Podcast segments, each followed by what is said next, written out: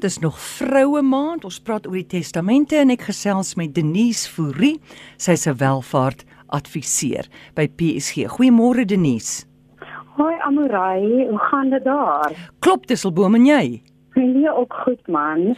Goed Denise, ongekende tye en ons praat oor die vrou en haar finansies en wat as. Jy weet daai what if gesprekke. So, sal jy vir ons 'n inleiding gee? Ja, ag Amarai in die lig van vroue maand wat jy genoem het en testamente maand wat môre afskop in September, het ons goed gedink om op op 'n paar um, scenario's of wat as aspekte te fokus. Ehm um, want maar ons moet ook onthou hierdie is 'n uh, universele beginsels wat op beide jonk en oud en mans en vrouens baie belangrik is. Ehm um, as ons as welvaart um, um, adviseurs kyk na ehm um, jy weet die beplanning dan is daar nie eintlik 'n geslag daaraan gekoppel nie maar sekere aspekte is belangrik soos vrouens lewe gemiddeld langer as mans omtrent 9.3 jaar. So jy moet dit in ag neem hmm. dat um, die vrou jou moontlik langer as haar manlike eweknie gaan gaan lewe. So um, dis goed wat vir ons voorsiening moet maak um, om te weet dat dat die vrou dalk al man met 10 jaar gaan oorleef en dat jy dan nie vir te kort moet beplan nie um, goed. Dit ons ja, ons lewe in onsekere tye en ons kan dikwels goed oor analiseer en mens kan met soveel scenario's na vore kom en jy kan oorweldig raak en dan dikwels sien ons dat mense een van twee goed doen. Hulle doen of niks of hulle ooreageer in 'n situasie. Goed, nou hoe hanteer julle dit dan as kliënte met hierdie wat as vrae na julle toe kom of hierdie niks? Okay, so ehm um, jy gaan as ons kyk in terme van finansiële beplanning en en welvaart bestuur kan jy kan 'n legio van scenario's kan jy mee weghardloop en ehm um, dit kan voel jy verlore beheer, maar mense sal goed sê as ek praat van wat as, so sal hulle ehm um, goed sê as wat as die markte val, wat as my gade voor my sterf, as ek te min buitelandse blootstelling of dalk te veel aan plaaslike bates blootgestel is ek spaar te min of ek maak te voor vir te veel of te min voorsiening vir my ou dag. Wat as ek nie 'n testament het nie, um, of of um, ons het dalk nie 'n testament nie, wat gaan gebeur? Of goed wat ons daagliks wat nou hedendag baie hoor is, wat as ons land agteruit gaan en ek verloor nou alles? Um die lys gaan aan hmm. en hierdie wat as vrae dan ook verskillend vir verskillende mense, um as hulle nou hulle scenario's gaan oorweeg. Hoe lei julle dan nou die kliënte om op die regte tye die regte dinge te doen of nie te doen nie? Man, um dit is nou waar jou adviseur jou moet help om te bepaal hoekom jy sekere dinge wil doen. Die hoekom is altyd belangrik. Um hoekom jy goed wil doen of hoekom jy dit nie wil doen nie en um wat is op die einde die doel wat jy wil bereik en um soms raak kliënte ook ongemaklik En en dit is eintlik maar um, ons moet eintlik baie keer kliënte uit hulle gemaaksone uitvat. En wat ek as voorbeeld hier kan gebruik is die verskil tussen kontant en aandele. Ehm um, ek het 'n kollega wat altyd sê kontant laat jou lekker slaap want dit is nie so wisselvallig nie. Maar aandele laat jou lekker eet want oor die langer termyn groei dit beter as kontant. En kliënte voel dan soms ongemaklik um, as hulle dan aan aandele blootgestel word want oor die kort termyn kan dit 'n rowwe rit wees, maar dit help nie jy slaap nou lekker in die kort termyn en jy kan nie lekker eet oor die lang termyn nie. So dit is belangrik dat jy 'n goeie finansiële adviseur het. En Mario sê dit tog so dikwels, hy sê ons is meer kyk meer na kliënte se emosies en hulle reaksies as wat jy eintlik hulle geld bestuur. Mm. So ja, dit is belangrik om ook jou kliënt aan sy plan te herinner en soms is dit ook om niks te doen of nie te reageer om wat om jou aangaan nie. Denise, wat is belangrik om te weet op hierdie finansiële beplanningsreis? Um Amarai, ek het gaan dink aan um, en en ek het 3 B's hier uitlig. So eerstens balans, beginsels en dan ballpark syfers of gemiddeldes. As jy ballpark sommer 'n bietjie meer Engels, maar gemiddeldes. En dan gaan ons sommer inval om oor balans te begin praat. So kry 'n balans tussen jou bates en laste as ook jou inkomste en uitgawes. Dis hier baie belangrik dat jy inkomste genererende bates moet opbou oor jou lewenstyd. So waaraan spandeer jy jou inkomste? Spaar jy genoeg? Probeer jy skuld lewe vry? Indien jy reeds afgetree is, moenie skuld maandeliks afbetaal met jou aftree inkomste nie, want en jy moet regtig probeer skuldvry wees by by aftrede. En gee jou finansiële adviseur genoeg tyd voor jy aftree om hierdie beplanning te doen. Ons sien dikwels dat kliënte, jy weet, um 2 of 3 jaar voor hulle aftree net toe kom en sê help my nou en dan het mens bietjie meer tyd nodig. En dan by balans, um jy moet pas, jy moet 'n goeie balans tussen buitelandse en plaaslike uh, blootstelling hê, maar gaan by beginsels bietjie meer hier oor oor uitbrei. Wat van beheer? Dink jy nie ons kan nog 'n beda insit nie? Ja, ja, jy sit die woorde nou so in my mond, um, want um jy moet 'n balans kry tussen wat jy kan beheer en wat jy nie kan beheer nie. En dan ons sien dit ons hierso dat kliënte na traumatiese gebeurtenis, um amper soos 'n in Engels praat jy van 'n knee jerk reaksie, as jy die dokter jou knie so slap op die kop.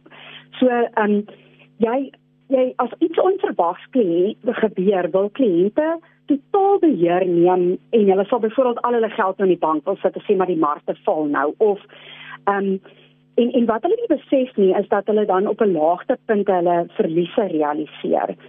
Ehm um, wat ons die laaste tyd baie teekom as gevolg van COVID en en baie mense wat jy weet meer sterf, um, is dat mense finansiëel geïsoleerd hulle uh, bestaan lei wat ek hiermee bedoel is dat jy neem nie iemand te vertroue um, oor jou praktiese en administratiewe aspekte van jou finansies nie. Um een gade beheer gewoonlik die beplanning en finansies in 'n huishouding en dan weet die ander nie eens wat aangaan nie. En dan as daardie beheerende gade dan nou te sterwe kom, dan maak dit baie moeilik vir ons om daardie persoon te help en dit neem soveel langer om alles af te handel. Ek sê nie hierdeur albei moet beheer neem nie, maar jy moet ten minste weet wat aangaan in in julle albei se finansies en dis praktiese goed soos byvoorbeeld en wat is die ander ou se e-pos paswoord daai tipe van goeders dis praktiese goed wat jy moet weet. En ek gaan nou oorgaan na my tweede B toe en dis beginsels. Um daar is 'n paar beginsels wat wat baie belangrik is op jou finansiële beplanningspad. Um En ons gaan oor 'n paar van hulle uit 'n um, bietjie uitlig, maar kom ek noem 'n paar soos sodat jy 'n noodfonds het. En um, spaar vir um, jy weet jou eerste inkomste wat jy verdien, moet jy 10 tot 20% daarvan spaar. Moenie jouself arm spaar omdat jy te konservatief belê nie. Raak geld ag skuld slim. Omring jou met die regte mense. Verstaan hoe werk die beleggings in jou portefeulje en dan wat elkeen se doel is en dan weet wat in jou of jou en jou maat se plan aangaan, wees ingelig. Goed, en dan die beginsel van 10 tot 20% spaar. Gee vir ons 'n idee hoe kan dit werk? OK, kom ek gebruik 'n 'n voorbeeld hier. So, um, as jy R50000 per maand gedurende jou aftrede wil verdien uit jou geld, sal jy in vandag se geldterme om en by 12.5 miljoen rand moet hê um, as jy dan nou 65 jaar oud is. So jy's nou heidaglik 25 jaar oud. Dit beteken dat jy R2000 per maand moet spaar vanaf jy 25 is om hierdie doel te bereik. Bitter belangrik hier, hierdie um, spaarbedrag moet jaarliks met inflasie toeneem. Dit help nie jy spaar R2000 per maand en en um, dan eskaleer dit nie. Um, so die aanname wat ons gemaak het is jy jy by R0 begin en jy moet omtrent 10% opbrengs oor hierdie termyn kry en dan gaan jou geld van as jy nou 65 jaar oud is en jy verdien dan nou hierdie R50000 per maand hou dit dan omtrent tot jy ouderdom 90 is. So dis 25 jaar hmm. na ehm um, jy weet 65. Ehm um, Nou dieselfde persoon wat op ouderdom van 45 ehm um, ook daai selfe 50000 rand per maand belê moet in plaas van 2000 moet hy met 16500 rand begin. So jy kan sien hoe later jy in jou lewe ja begin spaar hoe meer moet jy kan wegsit om daai doel te bereik. Sjoe, dis 'n groot verskil. Nou Denise, jy het vroeër genoem dat jy kan jouself arm spaar. Hoe werk dit? Ja, dit is dit klink verskriklik, maar jy kan jouself arm spaar. Ons hoor baie keer ek gaan sommer net my geld onder die bed sit en dit is jy jouself arm spaar. So jy moet 'n goed gediversifiseerde portefeulje hê. Um ons praat van diversifikasie van bateklasse.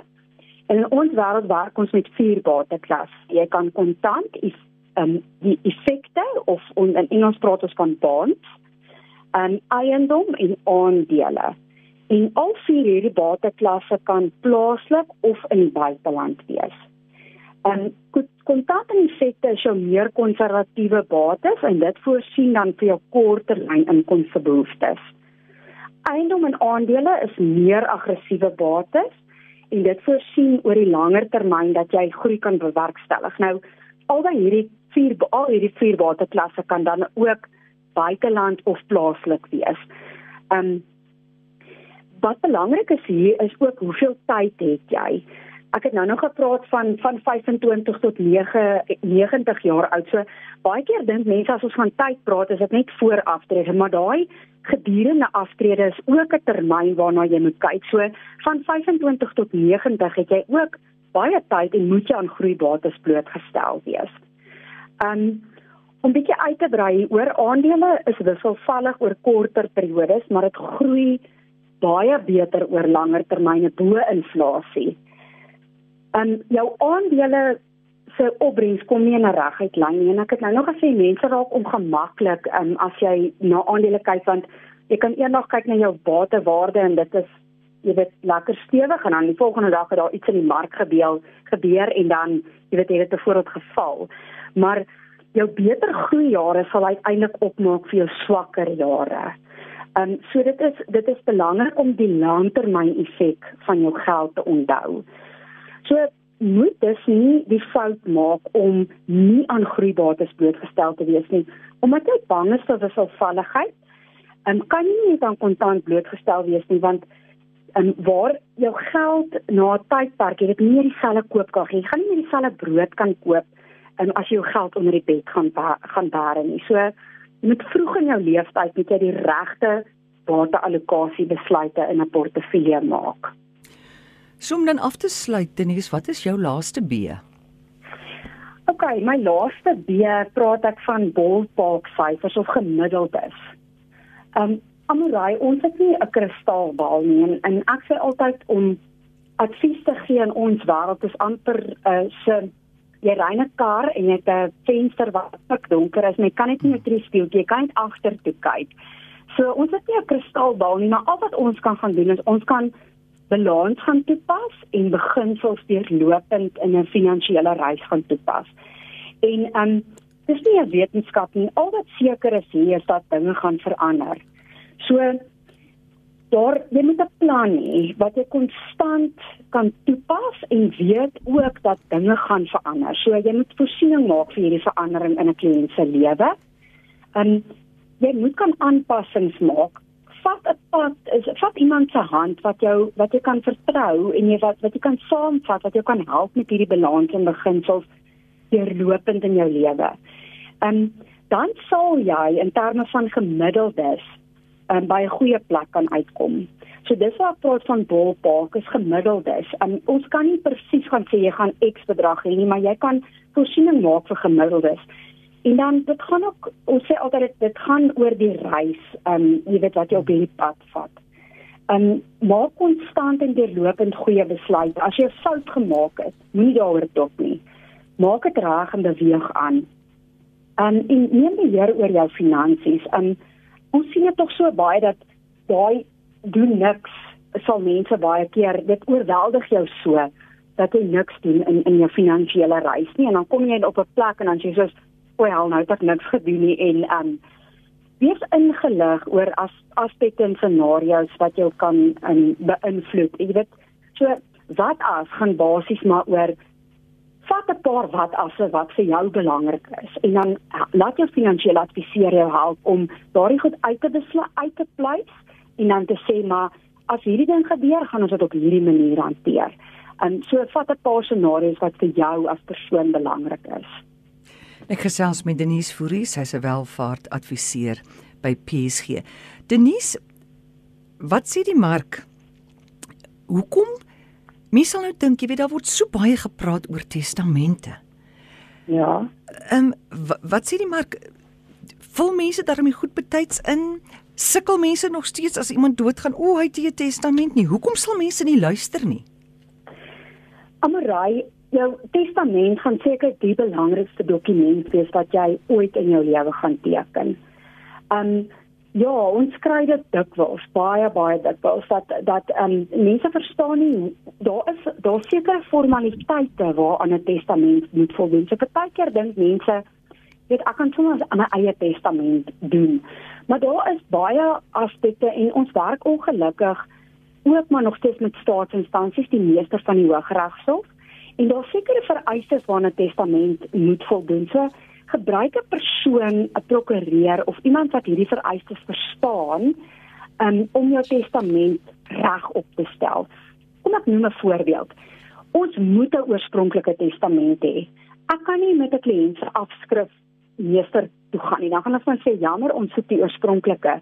Dit kos om by R30000 om 'n hooggeregshof aansoek te bring om 'n testament, 'n afskrif vir oorspronklike te laat verklaar. So, daar's sekere formaliteite. Jy moet elke bladsy teken. Daar moet twee getuies wees. So, 'n testament het sekere formaliteite. Jou testament moet daaraan voldoen. So, vat weer eens die regte persoon se hand om jy weet dat dat jou testament reg opgestel is. En hoe maklik is dit om dit te verander? Want jy weet verhoudings gaan ons op en af in vriendskappe. Ja, ja, dit sien ons ook baie. Ehm um, so dit is as jy as jy 'n maatskappy of 'n trustmaatskappy gebruik om jou om jou testament te doen, is dit redelik baie maklik om om dit te verander. Wat net belangrik is daar, jy sal baie keer in 'n testament jou eerste klousule sal sê hiermee herroep ek enige vorige testamente. Hmm. So ehm um, dit is baie maklik soos jy jou testament hersien of herroep dan sal daai lyn altyd daarin wees en dan is dit net belangrik sou jy dit wil herroep dat jy weer aan al daai formaliteite moet voldoen. So ons het nou in Covid maar bietjie met 'n tamaletjie gesit want nou is jy sê maar afgesonder en twee getuies moet nou daai testament teken. So wie is nou twee getuies? So ja, moet jy soms vir jou buurman nie oor die muur vra, "Haai, teken gou my testament hierso." Maar dit is maklik om dit te verander. Um maar weer eens, stap met iemand te pad wat jy deurlopend um, min of meer jaarliks wanneer jy jou portefeulje hersien ook 'n hersiening van jou testament kan doen um, indien iets, iets sou verander. So iemand wat jy dalk iets aan bemaak het, het voor jou afgesterf. Dit is belangrik om deurlopend na daardie goed te kyk. En wat gebeur as jy nie 'n testament het nie? As jy nie 'n testament het nie, dan praat ons van jy sterf in die staat en dan is daar die 'n uh, wet die intestate um, erfreg of die intestate wet wet op intestate um, erfopvolging wat dan voorskryf um, hoe jou um, boedel dan nou moet vererf. So kom ek gee 'n voorbeeld vir jou voorbeeld. Um, jy sê maar 'n man en vrou en hulle twee kinders. Dan sê daardie wet vir jou Die vrou moet 'n kindsteel kry, dit mag nie minder as 250 000 rand wees nie en dan moet die res na die kinders toe verdeel. So dan skryf dit spesifiek voor as daar nie 'n vrou of kinders is nie, dan sê ons dit erf op. So met ander woorde dan sal dit sê maar na 'n maand pa te vererf.